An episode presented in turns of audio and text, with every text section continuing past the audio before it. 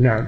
عن ابن مسعود رضي الله تعالى عنه قال قال رسول الله صلى الله عليه وسلم لا يحل دم امرئ مسلم إلا بإحدى ثلاث الثيب الزاني والنفس بالنفس والتارك لدينه المفارق للجماعة. رواه البخاري ومسلم. الإسلام جاء بالضرورات الخمس حفظ الدين حفظ الدين وحفظ النفس وحفظ العرض حفظ المال. جاء بهذه الضرورات الخمس.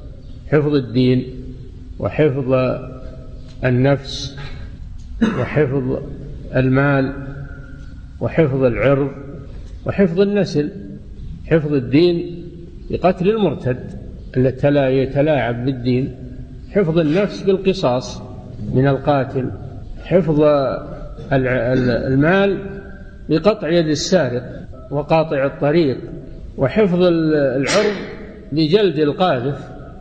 الذي يقذف المسلم بالزنا أو فعل الفاحشة يجلد ثمانين جلدة إلا إن أتى بأربعة شهود يثبتون ما يقول وإلا فإنه يجلد. هذا حفظ للعرض لأعراض المسلمين. حفظ النسل حرم الزنا لأن الزنا يخلط الأنساب ويسبب الأمراض ويذهب بالحياء فخطره عظيم. فهذه الضرورات جاء الإسلام بحفظها. ولهذا قال صلى الله عليه وسلم في هذا الحديث لا يحل دم امرئ مسلم. لا يحل دم امرئ مسلم. المسلم حرام دمه. إذا أسلم حرم دمه. إذا شهد لا إله إلا الله وأن محمد رسول الله حرم دمه وماله.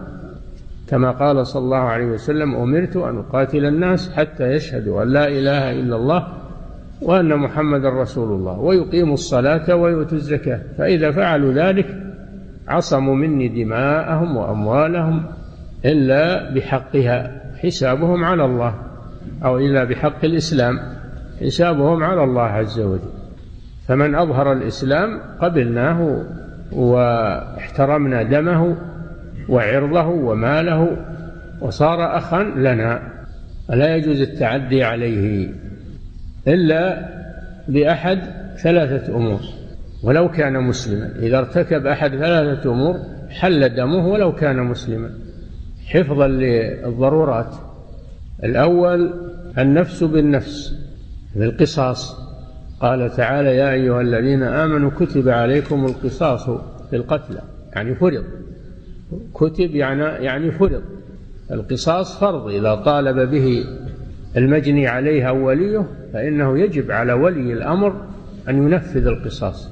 حفظا للدماء ولكم في القصاص حياة يا أولي الألباب لعلكم تتقون. فلو لم يقم القصاص لا آه، سفكت الدماء وانتشر الخوف والرعب في المجتمع. فإذا قتلت نفس واحدة ظالمة ارتدع الجميع.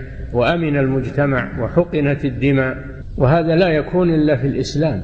ما أنظمة الكفر والأنظمة البشرية فإنها تمنع القتل وتساعد الظالم تحمي الظالم ترحم الظالم والمعتدي. ولا ترحم المجني عليه ولا ترحم المجتمع وإنما ترحم الظالم المعتدي وتحميه.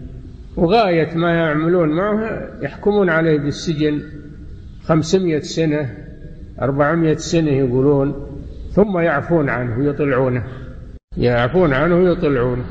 أو طول العمر يسجنونه مدى الحياة وهم يكذبون يطلعونه ويخرجونه. بس هذا هذا مجرد أنهم يشيعون هذا الشيء. وأما التنفيذ ما فيه تنفيذ. ولو نفذ ما يكفي. لو نفذ هذا ما يكفي. فلا بد من الحسم لا بد من القتل وهذا رحمة هذا رحمة من الله عز وجل. والثيب الثاني الثيب الزاني الثيب الذي الذي وطئ امرأته في نكاح صحيح وصار أحصن نفسه بالزواج أحصن نفسه بالزواج تزوج ووطي ثم بعد ذلك يزني بعد ذلك يزني. هذا مفسد في الأرض. لأنه لأنه أدرك حرمة الأعراض وجرب الزواج فليس له عذر في تعديه. عنده ما يغنيه بالنكاح الصحيح الشرعي المفيد عنده ما يغنيه. فإذا أنه زنى هذا دليل على خبثه أنه يريد الشر والفساد. هذا حكمه أنه يرجم بالحجارة حتى يموت استباح دمه.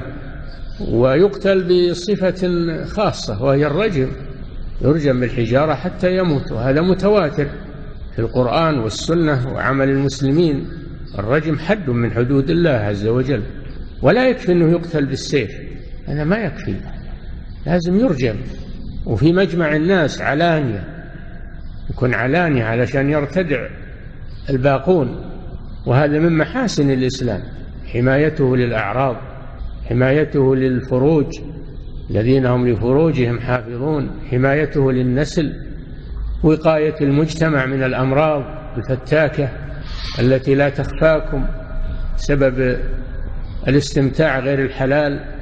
هذا شيء اشتهر وفيه الآن إحصائيات عن الوفيات عن المرض مرض الإيدز الذي وأصاب المجتمعات داء خطير مهدد ويموت الملايين الآن من البشر بسبب هذه الجريمة الفظيعة. ولهذا يقول جل وعلا ولا تقربوا الزنا إنه كان فاحشة وساء سبيلا. قال لا تقربوا. ما قال لا تزنوا فقط قال لا تقربوا. يعني اتركوا الأسباب اتركوا الأسباب التي توصل إلى الزنا من النظر سفر المرأة بدون محرم السفور سفور النساء تبرج النساء هذه أسباب هذه أسباب للزنا وكلها نهى عنها الشارع لأنها سد للذريعة ذريعة الوقوع في الفاحشة والثالث التارك لدينه تارك لدينه وهو المرتد. قال صلى الله عليه وسلم من بدل دينه فاقتلوه لأنه شهد أن الدين حق.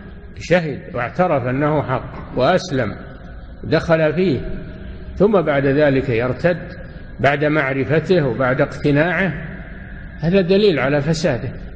ثم يقتدي به غيره أيضا. ردعا للتلاعب بالعقيدة فإنه يقتل المرتد. بدل من بدل دينه فاقتلوه التارك لدينه.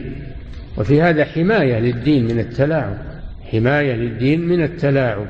وسد لطريق المفسدين الذين يريدون صرف الناس عن الدين. يسلم ثم يرتد. يقول الناس ما ارتد إلا لأنه رأى أن, أن الدين ما فيه صلاحية.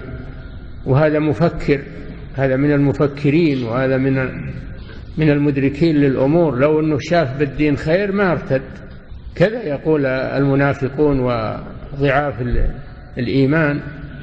فإذا قتل فإن الناس يحترمون الدين ويتوقفون عن تلاعب تلاعب بهذا الدين. المفارق للجماعة قيل هو الذي يخرج على ولي الأمر. ويفارق جماعة المسلمين. يراد بذلك الخوارج ويراد بذلك الخوارج. ومن شق عصا الطاعة وخرج على الجماعة فإنه يقاتل دفعا لشره. وإذا قتل فإن قتله حلال. إذا قتل بالقتال والجهاد فإن قتله حلال. لأنه صيانة للدين من من التلاعب صيانة لاجتماع كلمة المسلمين. هذا هو المفارق للجماعة. دل على أن المسلم يلزم جماعة المسلمين ولا يفارقهم. فإن فارقهم استحق القتل. حماية للأمن حماية للأمن ولجماعة المسلمين. وحماية للكلمة من التلاعب والفساد اللي يسمونه حرية الرأي. حرية الرأي في الحق أما حرية الرأي بالباطل لا هذا ممنوع هذا ممنوع حرية الرأي بالباطل. أما حرية الرأي بالحق إظهار الحق لا يخاف في الله لومة لائم هذا هذا صحيح. أما حريته بالباطل ترك الدين وسب الدين وسب أهل الخير هذا هذا حرية باطلة والعياذ بالله. هذا والله أعلم وصلى الله وسلم على نبينا محمد وعلى